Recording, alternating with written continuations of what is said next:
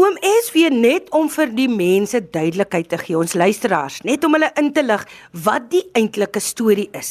Alles het begin by Grendeltyd of gedurende die Grendeltyd. Ons is gelukkig in die opsig dat COVID vir ons nie gesondheidsgewys getref het nie, maar geldelik het hy vir ons laag geslaan. So by so dat ons bestuurder Tertius Beyers vir ons meegedeel het dat ons met 350 000 rand tekort sit. En agter dit net so gekom dat ek en Ferdi Piper ook 'n inwoner hier het die ding ook bespreek. Toevalliglik het hier mense gekom om skroot weg te ry. En ons het gesê, "Hoekom kan ons dit self doen nie?" En daar het die ding toe begin. Ons het sommer plaaslik begin in die werf skoon gemaak en gelukkig as mens kan sê gelukkig het dit goed gebreek wat toe nog skroot eister veroorsaak het. Toe ons alles bymekaar gemaak het, het ons toe ons die dag wegry na die skrootwerf toe die eerste keer. En dit was op die 13 Augustus 2020. Het ons toe met R655 kontant teruggekom. Om Ferdi, wie was die slimste nou eintlik? Was dit om Ferdi se plan? As ek moet eerlik wees, eh, was dit syne.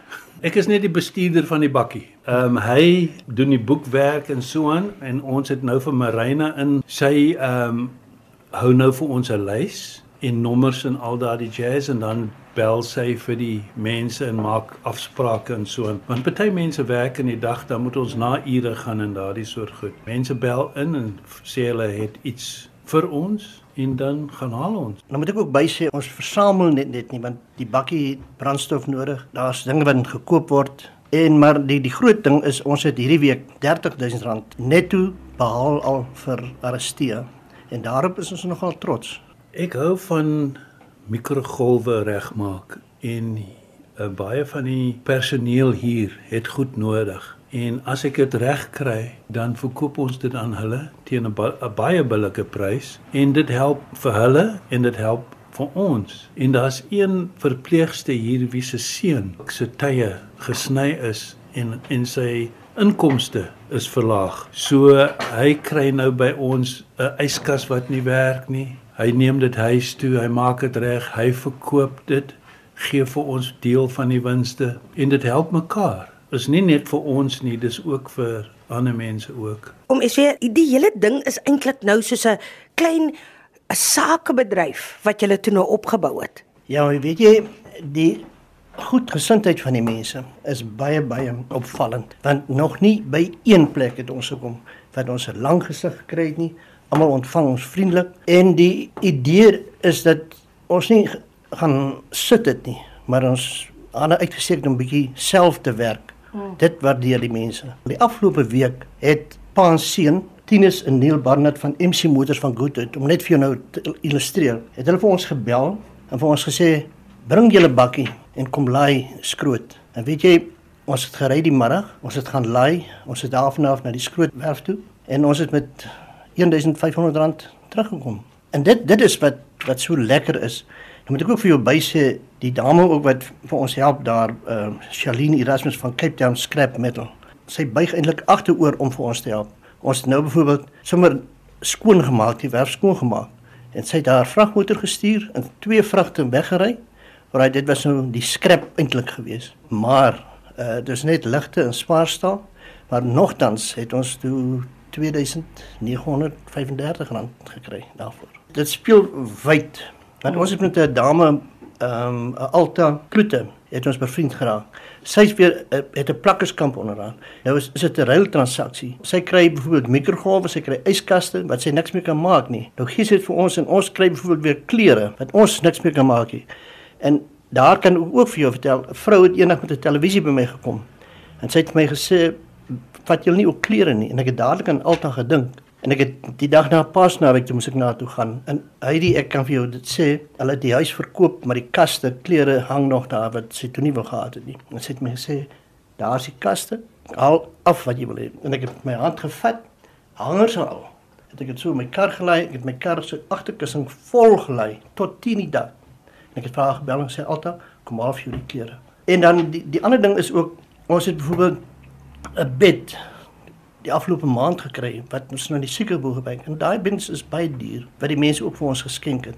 Ons het byvoorbeeld 'n wasmasjien wat ons ook by die klein wasrytjie wat ons hier het gesit het net vir ingeval die oorspronklike een want ek sê vir jou sê daardie daardie masjien is die ding wat die hardste werk in hierdie te huis want jy moet weet dis nou soos 'n pa wat 14 kinders het met een kar mm. want almal se hande is op daardie wasmasjien en dat hy nog hou maar nou het ons vertel as jy weer daardie gemoedsrus gegee daar staan 'n ander wasmasjien langs hom by die kombuis het ons vir hulle ekstra mikrogolf gegee so as jy daardie goed alles in, in bereken kan jy nog ten minste sê 10000 rand bysit So oom, wat sê julle alles benodig? Enige iets wat metaal is behalwe oumans.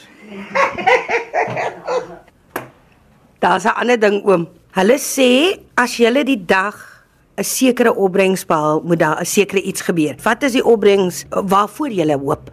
Hy ja, dit is mos nou maar lekker om nou altyd so klip in die bos te gooi en dan spring iets uit. Ag, dit het nou sommer net ontstaan na etenstyd. Het daar drie vrouens so op die tafel gesit en ek na toe geloop en dit nou gespot. Nou kan ek ook net vir jou noem, een van die mense wat opgetree het of alsins gepraat het op op uh, Kwela was 'n dame stem het gewees. Nou hy het 3 webwerwe van oor 100 000 mense. En ek het gedink een van daardie mense sal gryp in met 'n skare finansiering begin. Toe ek gesê die dag as ons 200 000 rand insamel, dan hardloop ek en Ferdi amper kaal om Aristia maar net met 'n onderbroek. 'n Vrou van Robertson, Sherin Botha, het vir my 'n WhatsApp gestuur toe sê sy, toe het sy ook die storie gehoor. Toe sê sy die eerste video wat gemaak word nadat jy daardie hardloop van julle daai nag gaan doen, koop ek. Maar uh, nou weet ek nie, ons is game om te hardloop. Ek is nie so game nie. Ek sal die flits bring. Oom Ferdi, wat hoop oom Ferdi moet nog gebeur? Dat ons van ons skuld ontslaa raak. Dis my grootste wens. Die Bybel sê vir jou jy kan geloof hê om 'n berg te versit, weg te wens of weg te stuur. Maar as jy nie liefde het nie, het jy niks. So ek het liefde vir die mense hier en vir die plek. Hulle sorg baie goed vir ons en ek moet sê dis dis my grootste wens dat ons van ons skuld ontslaa raak.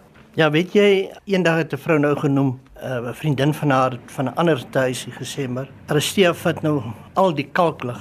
Is jy dat ons die kalklig wil sien? Ons wil net gelukkig wees En dan moet jy ook verstaan dat soos wat Ferdi daardie hoop uitspreek van die skuld. Ons grootste bekommernis hier is van die mense wat 'n renteinkomste het en hoe word daardie heffing elke maand betaal? En dit is daarom wat ek nou skare finansiering genoem het, maar uh, eerlikwaar is, is is ons plek se finansiële toestand goed is, dan en ons is gelukkig hier, dan is ek baie baie gelukkig. Hoe kan mense kontak maak? Ek is bereid om my selnommer te gee op die lig 07 3306 8993. Die mense kan maar laat kom. Ons het aan Tuis Steenkamp byvoorbeeld in Pofadder het ons twee blok en tackles verkoop. Nou jy kan jy sien waar gaan ons hoe ver gaan ons? 'n Sekere besigheidsman, uh, meneer Beyker, het vir ons mikrogolwe gegee, toasters, so baie goed dat ek nie eens kan onthou nie. Als word uh, waardeer hy die iemand het eendag genoem, julle sal nog valstaan ook kry. Toe sê ons maar is goed, stuur vir ons die valstaan. Hou net goed in hè, want ons het gereël. En ek kan vir jou sê dit is nou werklik waar. Toe sê die man bring die valstaan en ek haal die goud uit vir julle en ek gee vir julle geld. So ons het koper vir alles.